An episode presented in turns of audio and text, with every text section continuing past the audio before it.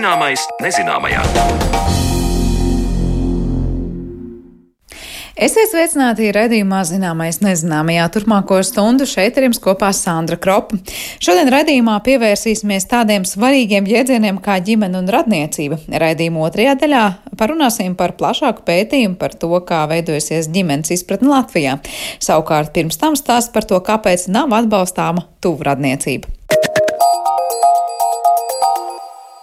Pēcnācēja radīšana brāļa un māsas vai brālēna un māsītes starpā vēsturiski uzlūkota dažādi.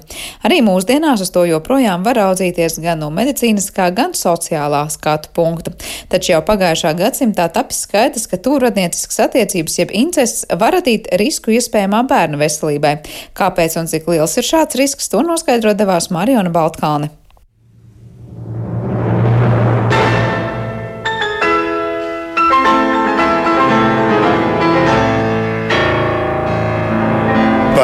Tuvradniecisko laulību nevēlamu ietekmi, jau faktiski eh, runāja Darvins. Tad, kad vēl ģenētika eh, kāda zinātnē nebija piedzimusi, viņš pārmet sev, ka viņš ir apprecējis māsītes, un viņam daži bērni bija ar dažādām slimībām smagām.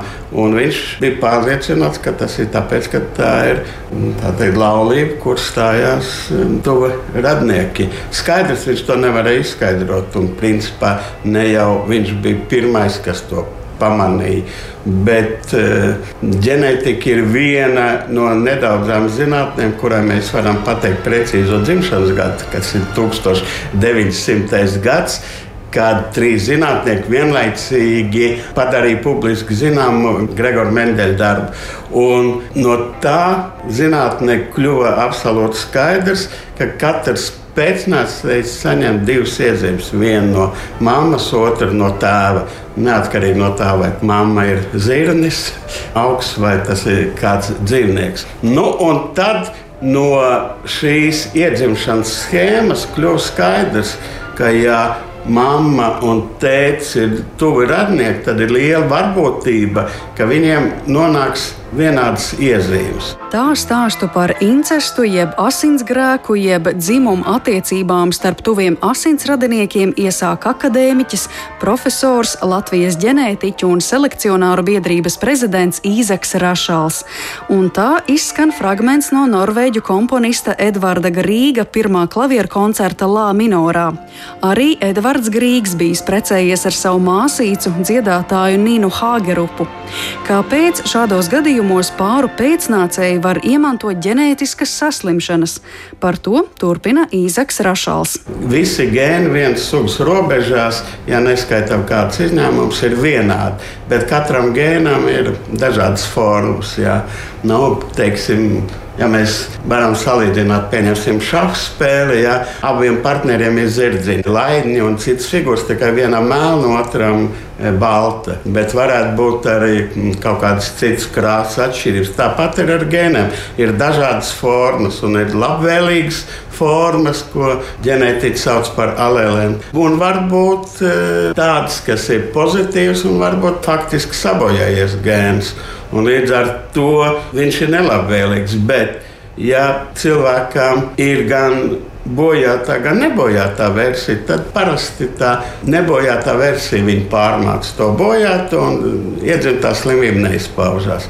Un tāpat arī varbūt otram partnerim ir tā pati nelabvēlīgā iezīme, bet ne mammai, ne tēvam viņa neizpaužās. Bet, ja viņi ir tuvradnieciski. Kaut kur nu, nedodies brālis un māsa. Vēl, nu, varbūt viņa brālēns un māsīca, nu, jau kāda cita, mazliet varbūt tālāk, e, radniecība. Tad ir ļoti liela varbūtība, ka šī nelabvēlīgās iezīmes viņas sanāks kopā. Un tad nu gan būs nelaime, jo abas tās iezīmes ir ar bojāto gēnu un tad varētu izpausties ar tā slimību. Gēniem mēdz būt dominantās un recesīvās formas, jeb alēles, un recesīvā forma ģenētiskās iezīmes veidošanos ietekmē mazāk nekā dominantā forma, vai arī neietekmē nemaz. Tiesa gan tieši recesīvo formu mantošana kādām nelabvēlīgām iezīmēm no abiem vecākiem var izsaukt saslimšanas, proti situācijā, kad gan tēvam, gan mātei ir kāda nelabvēlīgās iezīmes kopija recesīvā formā, pastāv viena ceturdaļa varbūtības, ka to saņems arī bērns. Taču funkcionālu gēnu cilvēkam ir vairāk nekā 20 tūkstoši, un katram no mums ir daudzi simti nelabvēlīgo iezīmju recesīvā formā. Un, ja pēcnācējs tiek radīts tuvradnieciskās attiecībās, piemēram, starp brāli un māsu, tad šī varbūtība, ka bērns no abiem vecākiem saņems nelabvēlīgās iezīmes, ir krietni lielāka nekā viena ceturdaļa. Vēl jau interesanti ir, tā tad ir e, chromosomas diva veida. Ir tā saucamās dzimuma chromosomas, kuras atšķirās vīriešiem un sievietēm, un ir autosomas, kas ir vienādas. Un, ja tas gēns nelabvēlīgais atrodas tā saucamā X chromosomā, kuras sievietēm ir divas kopijas, a vīriešiem ir tikai viena kopija. Un tad mēs zinām, ja vīrietis slimo, tad tas nozīmē, ka nekad viņa dēls neslimos. Jo viņš dēlam nodod savu to otro, tā saucamo Y chromosomu. Tātad, ja piemēram tēvs ir daltoniķis, tad viņš nekādīgi nevar nodot to dēliem. Un mēs zinām, arī tādu piemēru ir etniskas grupas, kas veido kaut kādas tādas šauras kopienas. Un tad parasti tādās kopienās arī ir daudzu iedzimto slimību frekvences stipri augstāka nekā apkārtējā populācija. Šādu parādību bioloģijā dēvē par dibinātāja efektu. Attiecīgi, reta salēles sastopamības biežums ir lielāks individu grupā, kas izolēta no kopējās populācijas, un to joprojām varam novērot mūsdienās. Piemēram, Amerikas Savienotajās valstīs un Kanādā dzīvojošie amiši, anabaptistu kristiešu grupa, kas izcēlusies no apmēram 218. gadsimta emigrantiem, jau paudzēm ilgi precas tikai kopienas ietvaros ietvaros, kā rezultātā daudz biežāk novērojamas dažādas slimības un ģenētiskās novirzes. Īzeks Rašals norāda, ka kopumā šādu ģenētisko saslimšanu var būt ļoti daudz. Tās var izraisīt arī viena gēna mutācija, un tuvradnieciskās attiecībās tās atkal var tikt pārmantotas nākamajās paudzēs. Ja mēs iedomājamies, ka tas zirdziņš ir gēns, bet viņam tam vienam zirdziņam mutācija var būt dažāda. Ja viņam var ausis nogriezt no nost, jeb noknibināt, viņam var degunu nogriezt, varbūt viņš, viņam pamat nekāds nogriež, un viņš vispār nevar stāvēt uz galda. Jā. Varbūt kaut kādīgi tur viņu izķēmot tā, ka vispār nevar pazīt, ka tas ir zirgs. Jā. Līdz ar to arī vienam un tam pašam gēnam arī var būt ļoti dažādas mutācijas. Bet es vēl gribēju jautāt, Cik tālu mēs vispār varam runāt par incestu? Nu, jo ir skaidrs, ka incestu mēs attiecinām uz dzimumu attiecībām starp tēvu un meitu, starp māti un dēlu, brālis, māsa, bet tālāk jau arī ir stāsts par māsīcām brālēniem, un tad jau vēl varētu runāt par otrās pakāpes, trešās pakāpes māsīcām brālēniem. Ir kaut kāds brīdis, robeža, kur varētu teikt, nu, nu šeit jau nu gan vairs stūradniecisku attiecību nav. Nu, es domāju, tas ir atkarīgs e, zināmā mērā arī no tradīcijām. Mēs zinām, ka Lielbritānijā nu, vismaz vēl 19. gadsimta laulības starp brālēnu un māsu bija pietiekoši plaši izplatīts, un neviens tās neuzskaitīja par tuvradnīciskām, jeb kaut kādām tādām, kas no etiskā viedokļa nebūtu vēlams. Jā.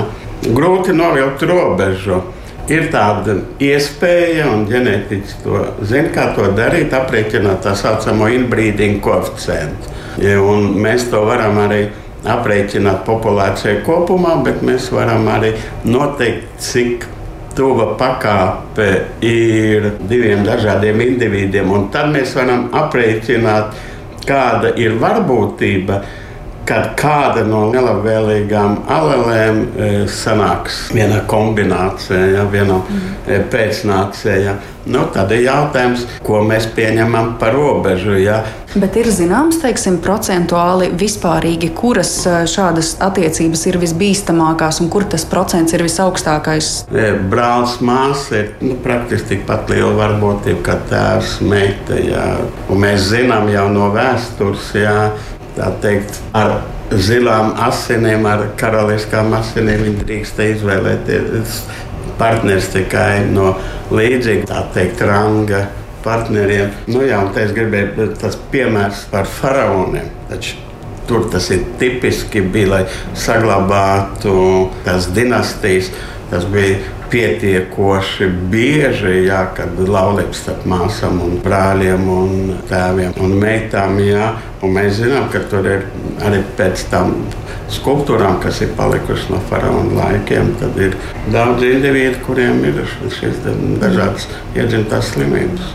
Sakiet, man vēl interesē tāda lieta, ja ir zināms, ka šīs tūradnieciskās attiecības rada nevēlamu efektu, Vai sanāk, ka daba pati rūpējas par to, lai, piemēram, cilvēkiem neveidotos izteiktas simpātijas vai mīlestība pret saviem tuvākajiem radiniekiem? Ko es ar to gribu teikt? Nu, es brālī neiemīlos, jo gēni to regulē, hormoni to regulē, vai tas ir drīzāk tāds sociālais nospiedums, ka iemīlēties savā brālī, nu tā nav labi mūsu kultūrā, un es tā nedarīšu. Es domāju, gan tas, gan tas. Es esmu lasījis pētījumus, kur ir parādīts, ka simpātija radās ļoti bieži tad, kad ir kaut kādi tie paši feromoni mazliet atšķirās, jā, un teiksim, ārējais kaut kādas iezīmes atšķirās. Bet ir arī dzirdēti tādi gadījumi, kad kaut kāda iemesla dēļ, jeb, jeb pusbrāļi un pusmāsas, kad ir gadās, un viņi iemīlās savstarpēji, nezinot, ka viņi ir brāļi un māsas. Ja.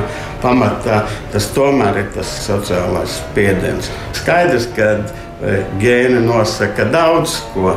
Bet tomēr mūsu uzvedība ļoti lielā mērā nosaka tā sociālā vide, kur mēs esam bijuši un audzināšana uz ģenētikas pamata. Par to, kāpēc tūradnieciskas attiecības nav vēlamas pēcnācēju radīšanā, skaidroja akadēmiķis profesors Latvijas ģenētiķu un selekcionāru biedrības prezidents Īzeks Rašals, ar kuru tikās mana kolēģa Mariona Baltkalne. Bet par attiecību šodien runāsim ne tikai no ģenētikas, bet arī sociālā skatu punkta, skaidrojot ratniecības izpratni Latvijā. Música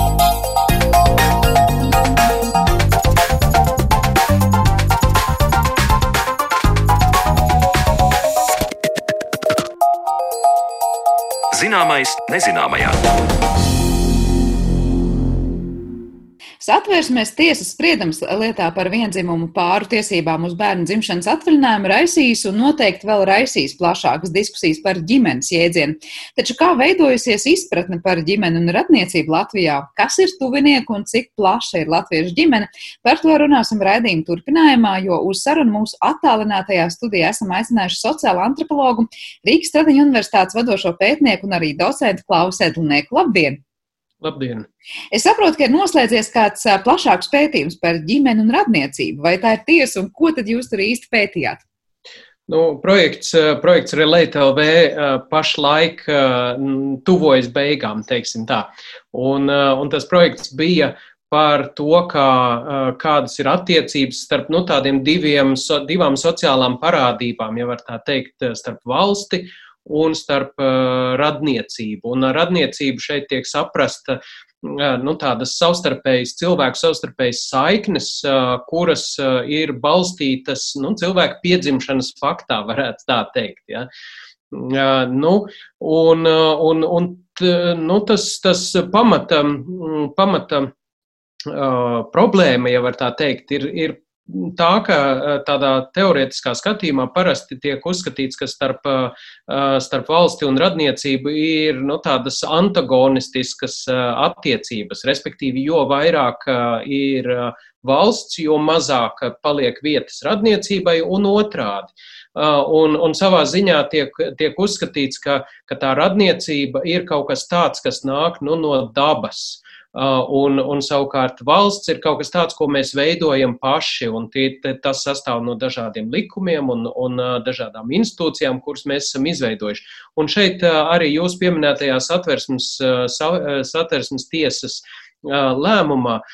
Ļoti interesanti ir tas, ko, kā cilvēki komentē to, un, un piemēram, tikko publicēts Baibas Rudevskas komentārs intervijā neatkarīgajā rīta avīzē ir nu, viens tāds ļoti interesants, interesants nianse, kur viņa min, ka viņi saka, ģimene ir kaut kas tāds, kas, kas ir dabisks, un ko nekādi spriedumi nevar izmainīt. Un šis ir ļoti interesants apgalvojums, jo tas ļoti labi atspoguļo to, kā cilvēki parasti domā par šīm lietām.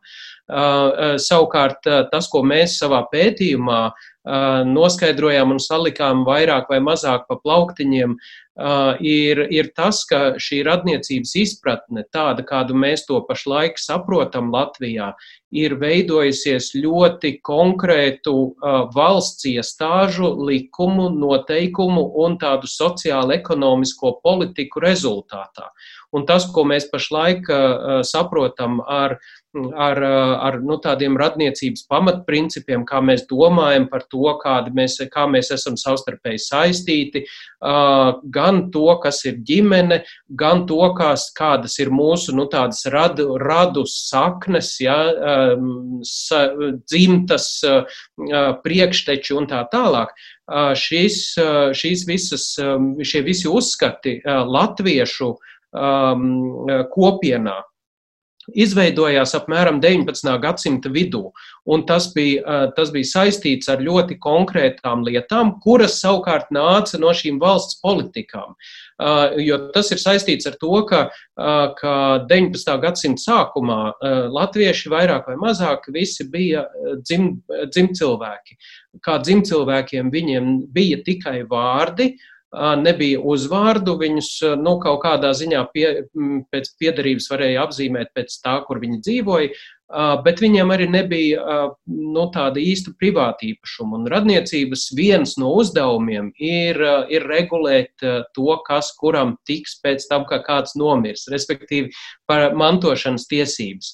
Un, ja tev nav ko mantot, tad nav arī šī, šī lieta nav būtiska. Un vienīgais, ko latvieši nu, tā svarīgu varēja mantot, tajā laikā bija saimnieka tituls, bet savukārt saimnieka tituls nu, bija ļoti nekon, ne, nekonsekventi mantojams. Nebija tā, ka saimnieka dēli kļuva par saimniekiem.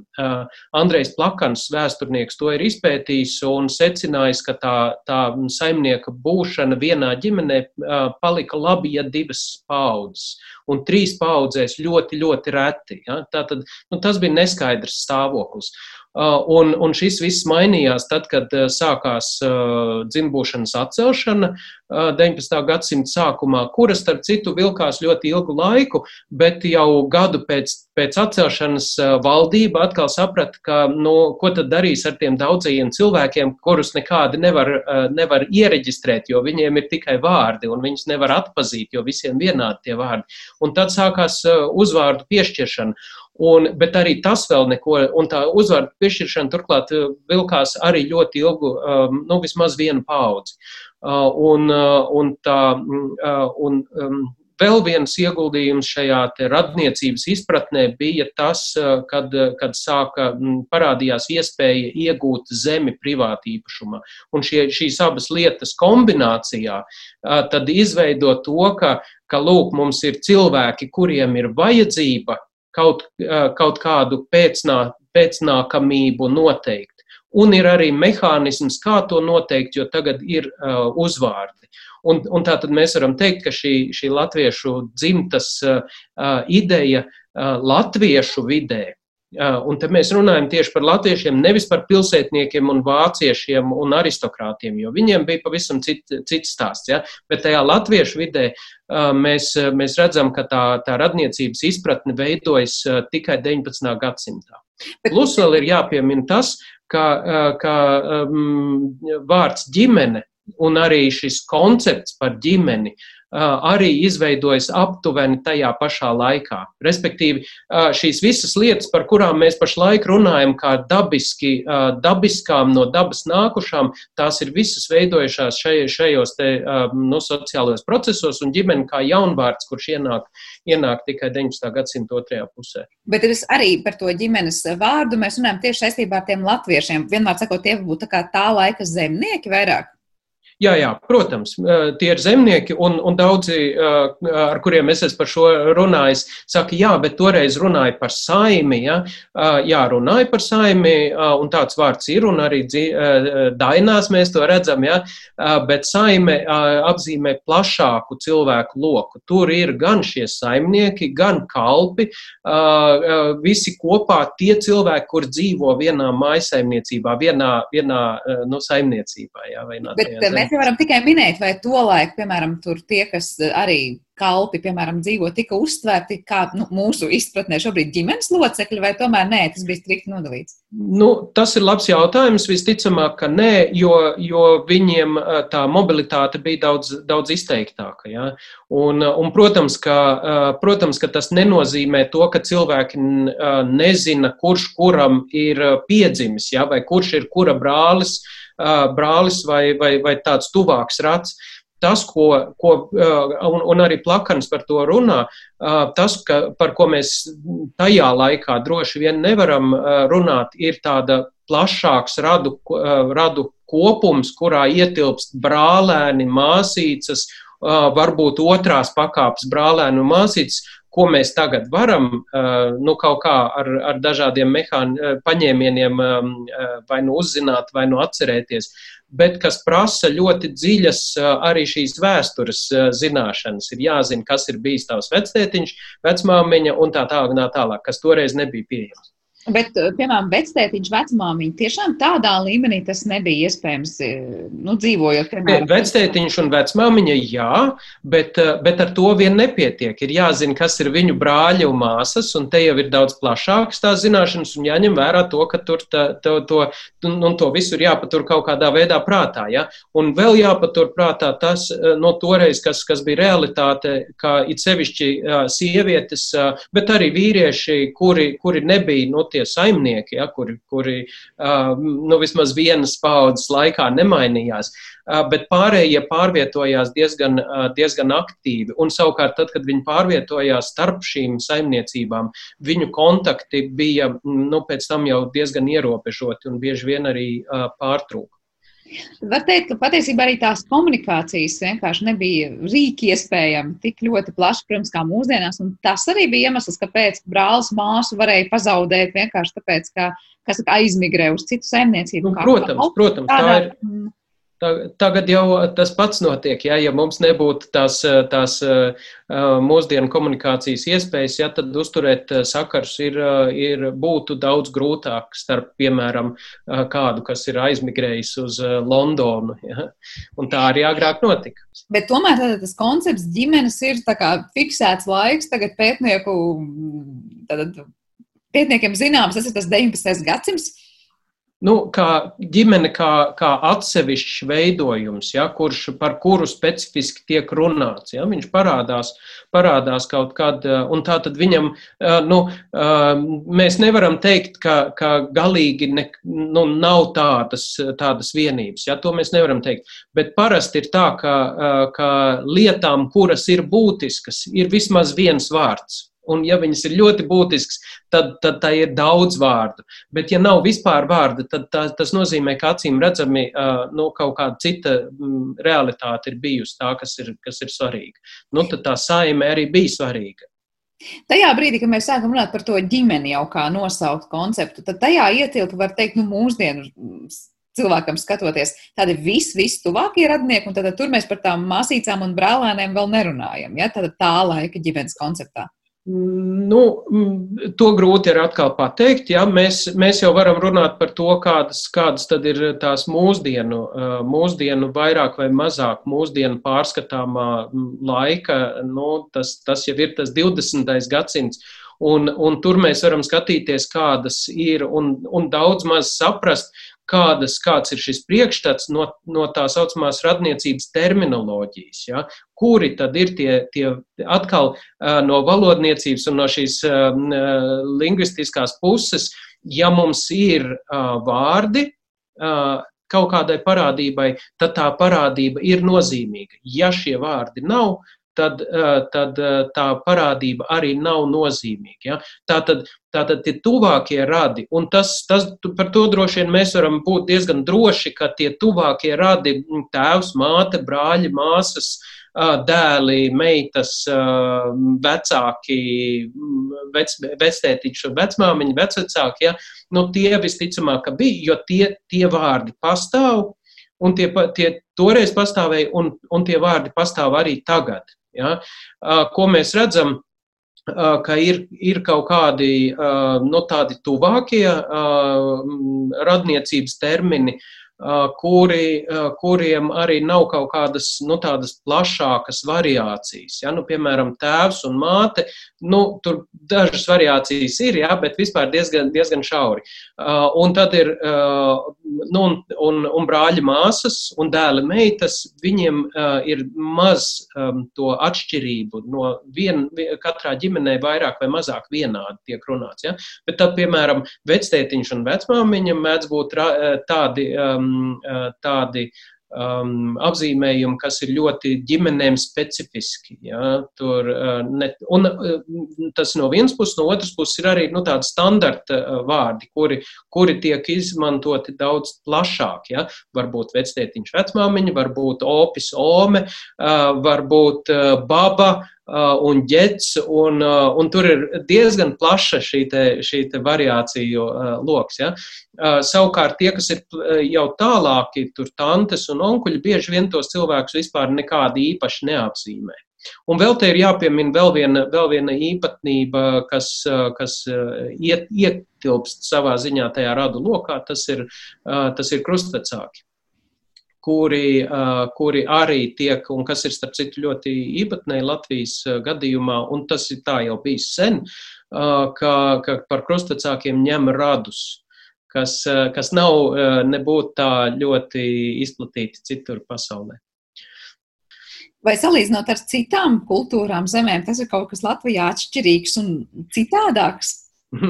Nu, latvieši pieder pie tā saucamās bilaterālās radniecības sistēmas, un, un tā ir raksturīga arī nu, lielākai daļai Eiropas sabiedrību, bet nav universāli raksturīga visai pasaulē. Un bilaterālā sistēma nozīmē to, ka mēs nedalām radiniekus no mātes vai, vai tēva puses, pamatā nedalām. Tas ir ar tādu piebildi, ja pēc principa nedalām. Uh, mēs uzskatām, ja, ja, ja kādam no latviešiem jautātu, uh, kā, kuri radi ir tuvāki, mātes vai tēva radi, tad viņi teiktu, pamatā jau abi vienādi. Ja? Un tad tas, kas atšķir uh, kaut kādas attiecības, uh, ir jau sociālie kontakti. Nu, cik daudz mēs uzturam tos, tās attiecības ar tēvu mātes radiem, uh, un, un tur ir dažādas tās ģimenes situācijas, ja, bet principā nu, nav nekāda tāda pamata noteikuma, kuri radi būtu tuvāki. Tas nav tā visās sabiedrībās. Ir ļoti daudz sabiedrības, kuras, kurās ir tā saucamā unilineārā sistēma, kas nozīmē to, ka, ka tiek tikai tēva puses vai tikai mātes puses uh, radi uzskatīti par radiem, un pārējie netiek uzskatīti par radiem vispār. Uh, kas, kas maina uzreiz, nu, iedomājieties, tas ir ļoti līdzīgs princips, kā, kā mēs pārmantojam savus uzvārdus. Mums šis uzvārdu princips, mantošanas princips pēc noklusējuma ir patrilineārs, tā teikt, ja, tiek mantots pa tēva līniju. Uh, un, un, ja mēs, uh, un, un mēs varam iedomāties, kā būtu, ja mēs uzskatītu par saviem radiem tikai tos, kuri ir mūsu, uh, nu, tajā mūsu uzvārdā. Ja? Un pārējie, kuri nav mūsu uzvārdā, nu, piemēram, mātes brālis ja? vai mātes tēvs, tie netiek uzskatīti par radiem vispār. Ja? Un tas nozīmē, ka mātes brāļa bērni ne, netiek uzskatīti par radniem, savukārt tēva brāļa bērni tiek uzskatīti. Ja, un tēva Jā. māsas bērni atkal netiek, tāpēc, ka tiem ir pašiem savs uzvārds. Nu, respektīvi, un, un, tā, un tas, tas, tas, kas izriet no tās mūsu īpatnējās sistēmas, no šīs bilaterālās sistēmas, ir tas, ka mums ir nosacīti neierobežots radu pulks, un tas ir tas, ar ko sastopas mūsdienās šie, šie dzimtskoku veidotāji, ka nav līnijas, kur novilkt, kur, kur kur beidzas tas mūsu um, nu, iespējamais radu lokus. Tagad mūsu, mūsdienu sistēmas to ļauj, visas šīs digitālās, um, digitālās programmas. Um, kuras, kura, kurās tu vari savadīt iekšā un kuras var saslēgt arī citus radu lokus. Un tad tu vienā mirklī saproti, ka nu, tu jau vairs ne, ne, nevari nu, nekādi saprast, kurš ir, nu, jau visi apkārt visus Latvijas iedzīvotājus un visus pasaules iedzīvotājus principā mēs varētu šādā sistēmā ierakstīt. Un tas nozīmē, ka ir kaut kādā veidā jānorobežo tas radu lokus, un, un, un tas ir jāizdara nu, pēc kaut kāda pieņēmuma. Tur nav strikta, strikta principa. Tas ir pilnīgi citādāk nekā tajās unilineārajās sistēmās, kur tu skaidri zini, tie ir mani radi un, un tie pārējie nav mēs mūsu sistēmā īsti nezinām. Tas nozīmē, ka mums ir atkarīgs no tās mūsu sociālās interakcijas. Un tur jau mēs varam skatīties, kā cilvēki dažādi uztur šo interakciju, kā viņi dažādi attāluma radus um, uh, um, ar viņiem uh, satiekas vai nesatiekas. Un, un parasti ir tā, ka tie, tie, nu, tie, uh, tie tuvākie radi ir tie, ar kuriem mēs ikdienā vai arī pietiekoši regulāri satiekamies fiziskā veidā un tad ir tie tālākie radi, kurus, kurus iespējams uztur, nu, piemēram, Facebookā. Ir piesakojušies, ja, un, un, un seko līdzi, ko viņi dara, bet tas nekādas īpašas tādas emocionālas, tas ir vienkārši tāda interese par viņiem. Ja. Un tad ir vēl citi, kuri, kuri tad, nu, varbūt vispār kaut kur perifērijā ir zināmi, ka, ka tādi ir, ja, bet tie, tie tad, nu, netiek uzskatīti par īsti radiem. Jā. Jā, tas nozīmē, ka nu, šis gadsimts, protams, ļoti izteikti ļauj mums brīvi, var teikt, nu, tā izvēlēties, ar ko mēs sazināmies, cik tuvu šīs radnieciskās saites mēs uzturam, neusturam, kas ar komunikācijā dzīves. Bet kā ir bijis kā citos laikos, var teikt, ka latvieši un tās sabiedrībā, tās ģimenes ir bijušas tādas salīdzinoši mazas un nošķirtas. Ja mēs, piemēram, es nezinu, iedomājos, nu, stereotipiem atbilstošas kaut kādas itāļu sabiedrības, kur liekas, tā ģimene vien jau ir 60 cilvēki, visi radinieki. Jā. Ne, nu, tur vēl viena, viena lieta ir.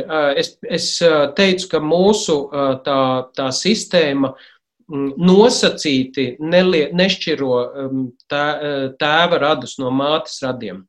Bet mums ir šis uzvārda princips, un jāatcerās to, ka uzvārdus mums piešķīra pēc Krievijas valdības lēmuma. Ja, vai vietēji, nu, tur vietēji arī piedalījās aristokrātija tajā, kā, kā tika noteikts, ja, bet principā pēc šī lēmuma.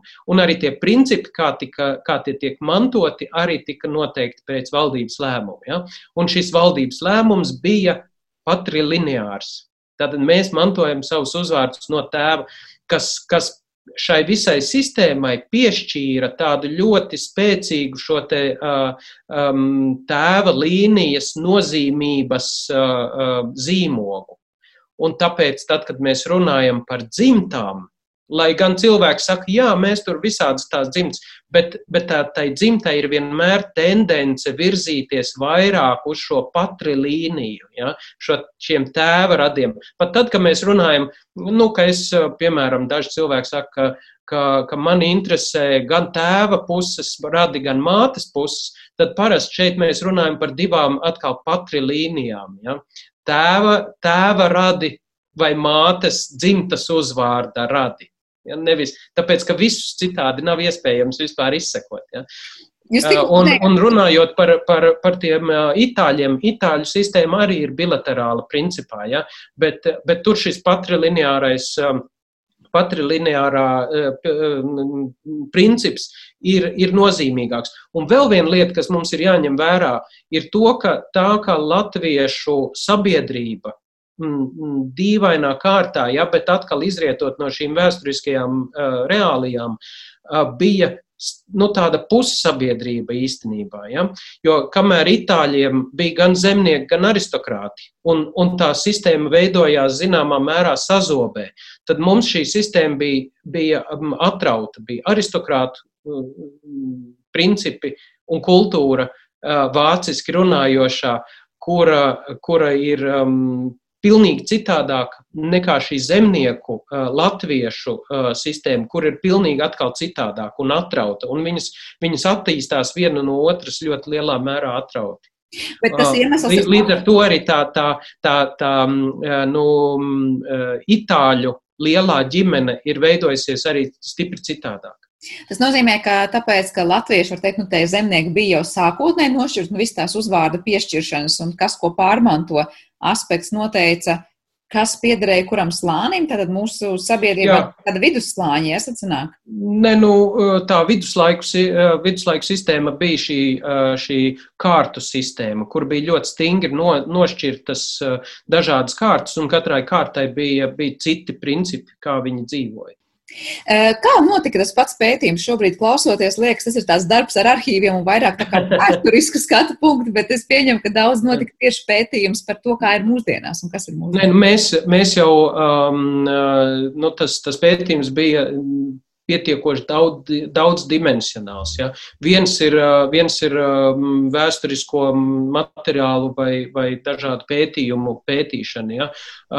Bez tam mēs veicām intervijas ar cilvēkiem, nu, tā saucamo līdzdalīgo novērojumu, kur, kur cilvēki, pētnieki, nu, dara kaut kādas lietas uh, kopā ar saviem, uh, saviem uh, tiem, tiem pētījumu dalībniekiem, ja, jeb informantiem, kā viņus mēdz, mēdz saukt. Ja. Un arī dažādi publiski dokumentu pētīšana mēs skatījāmies dažādus rīcību politikas dokumentus, ģimenes valsts politiku, piemēram, jā, likumus, skatījāmies, kādi, kādi nosaka dažādas lietas. Un, un tā tad, nu, tas, tas, tas pētījuma lokus un tā metodoloģija ir, ir ļoti plaša. Bet tas gala secinājums būtu tāds, nu, man vismaz klausoties, liekas, pirmais, kas paliek prātā, tātad, lai cik mums liktos pašsaprotam un dabiski tā ģimenes un radu būšana, patiesībā tā joprojām arī mūsdienās ir tāda citu gadsimtu varas noteikta. Ne, nevis citu gadsimtu, bet mūsu uh, visu, uh, respektīvi šī, šī, uh, šīs attiecības starp, starp radniecību un valsti ir ļoti ciešas. Jo no vienas puses valsts ļoti lielā mērā nosaka un, un cenšas regulēt to, kāda ir šī, šī, šī radniecības struktūra un kā tas notiks. Nu, piemēram, tā kā pašlaik mums ir diskusija par to, kas ir ģimene, kas ir laulība. Un šeit ir ļoti interesants tas nu, konsekvences no tā, jo, nu, piemēram, ja cilvēki saka, mēs to arī, nu, viens, viena no lietām, ko mēs pētījām, bija saimnes uh, diskusijas uh, saimnes plenārsēdēs. Jā, izskatījām cauri visus šos un skatījāmies, kā, kā, kā deputāti runā par, par dažādiem radniecības um, terminiem. Un, un, un ir redzams, ka, ka ļoti liela uzsvars liek, tiek likts uz to, ka, ka um, ģimene labi funkcionēs, nu, tādā valsts skatījumā labi funkcionēs, tad, ja tā būs uh, valsts sankcionēta ģimene, respektīvi oficiāli noslēgta laulība. Ja? Un tad tai būs no tās izrietēs dažādas, dažādas nu, pozitīvas iezīmes, tur noturība, bērnu dzimšana. Ja? Un tā konsekvence ir, ir tā, ka mums ir nepieciešama valsts, lai šī ģimene būtu nu, tāda. Ja? Tādu, kādu mēs gribētu. Bet te ir arī ļoti, ļoti būtisks um, aspekts, ir, ka, ka valstī, valsts institūcijām ir ārkārtīgi liela interese par to, kas notiek uh, ģimenēs, jo valsts um, ir uh, ļoti lielā mērā atkarīga no šīs sfēras, jo, jo ģimenēs notiek uh, bērnu dzimšana. Bet tāpat laikā valsts apzinās, ka īsti nevar kontrolēt. Tā kā nu, gribētos to kontrolēt un cenšas to kontrolēt, bet tur visu laiku notiek visādas spurainas lietas, jo tā, tā, nu, tajā ziņā ir, ir, zinām, taisnība ir tajā, ka tas, ka tas nu, ir dabisks process, ja? bet šis dabiskais process nav viennozīmīgs. Tur parādās visādas jaunas lietas, tur parādās cilvēki, kuri dzīvo kopā, bet viņi, bet, bet viņi nav saņēmuši šo valsts sankciju ja, vai, vai baznīcas sankciju. Tur ir cilvēki, kuriem ir dažādas attiecības, gan, gan ar vienu cilvēku, gan ar otru cilvēku. Bērni dzimst, viss, kā nu, kā tur sanāk. Ja? Tas tāds mežonīgs process, mēs, mēs to saucam savā vienā no atskaitēm, ka tas ir, tā ir spurainā, um, spurainā radniecība. Ja? Un, un tad ir tā, tā, tā valsts mēģinājums viņu kaut kā, kaut kā ierobežot un iegrožot un nodefinēt un pateikt, kas, kāds būs tas pareizais process kā tad mums vajadzētu tur mantot tos uzvārdus, kā, kā tie uzvārdi vispār būs, kāda būs šī, šī laulība, ko, kas, kas ar ko drīkst precēties. Ja, tas viss ir noteikts likumā.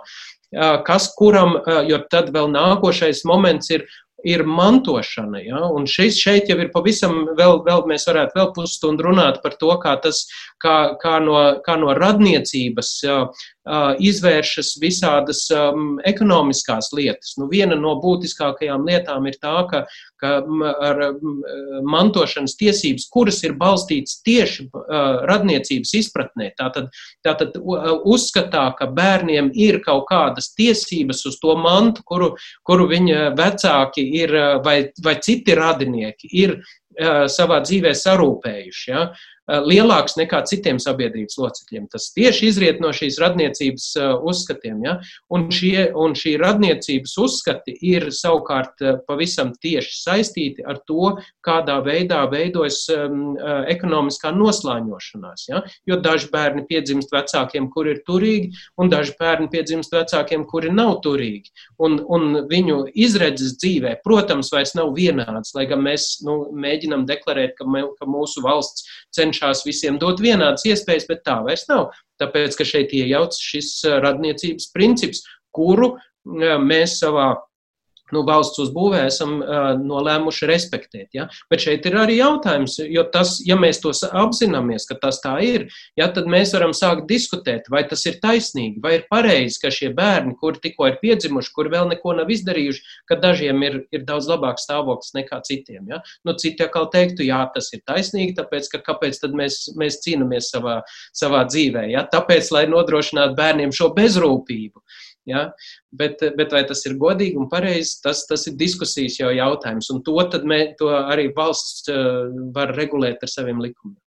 Noslēdzošais jautājums tiešām, ka jau, mēs varētu vēl vienu pusstundu runāt par šo mantošanas aspektu. Kāds ir tas tālākais praktiskais pielietojums šiem pētījumiem? Nu, es jau tas aplausu vairākas jomas, kas nāk prātā gan saistībā par to, kāda ir mūsu tā kaut vai kārtība, kas ko manto un kas ko nemanto, un cik daudz ļauj valstī, piemēram, diktēt, kas ar ko drīkst precēties un nedrīkst precēties, nu, kaut vai šo te vienzimumu laulību attiecību kontekstā. Ir kaut kādas tālākās virzības, kur šie rezultāti atspoguļosies, kas saka, darbos? Jā, nu, mūsu, mūsu tas galvenais mērķis tomēr bija tāda um, akadēmiski un teorētiski paplašināt šo izpratni par to, par to kā šīs divas uh, sfēras savstarpēji um, attiecas. Ja? Uh, lai, lai nebūtu tikai tā, kā mēs agrāk par to domājām, ja? ka, ka vienīgais, vienīgā perspektīva, kurā mēs varam saskatīt šo, ir, ir tas, ka ir radu būšana, ja? un tā tad kaut kāda korupcijas ietekme, un, un tad, tad tā, tā var būt tikai slikta ietekme uz, uz valsts. Ja? Tad paplašināt šo, šo teorētisko izpratni par to, ka, ka šeit ir ļoti būtiskas šīs savstarpējās attiecības un ka, ka, ka, ka valstī ir savas intereses, savukārt, savukārt radniecībai, radniecība veidot šo, nu, respektīvi šo dinamiku atrast. Ja? Bet, protams, ka tad mums ir, ir ļoti konkrēti, konkrēti jautājumi, kurus mēs varam tālāk runāt gan par um, sociālo un ekonomisko nevienlīdzību, gan mēs varam tālāk skatīties, nu, um, viens no aspektiem, kur mums ir arī konkrēti rīcība politikas um, priekšlikumi, ir saistīts ar, ar um, um, mākslīgo apaugļošanu, kura ir arī, protams, saistīta ar, ar šiem, šīm izpratnēm par to, kā, kā veidojas savstarpēji radniecība, ja, un kas ir radinu un, un kas nav, un, un kā, uz kā pamata. Ja. Um, un, un arī tas, tās lietas uh, ir, um, ir nu, kaut kā jāapzina un jāregulē. Ja? Un, lai to varētu apzināt, tad ir vajadzīgi šādi, šādi pētījumi un ieskati, uh, uz kuriem tad to var balstīt. Nu, ko liels paldies par šo ieskatu un šo minimālo ieskatu, droši vien no lielā ieskata, ko sniedzām raidījumā šajā pusstundā. Uh, dzirdējām Rīgas Tradiņu universitātes vadošo pētnieku, docentu sociālo antropologu Klāvu Sedlnieku. Paldies par dalību šajā raidījumā. Teikšu paldies arī šī raidījuma producentei Sarmītei Kolātei un mūzikas redaktoram Girtam Bišam. Ar jums kopā bija es Sandra Kropa, un mēs tiekamies jau pavisam drīz. Piebildīšu tikai to, ka šo zināmais nezināmajā, kā arī citus stāstus varat klausīties arī populārākajās podkāstu vietnēs. Paldies jums visiem par kopā būšanu un uz tikšanos!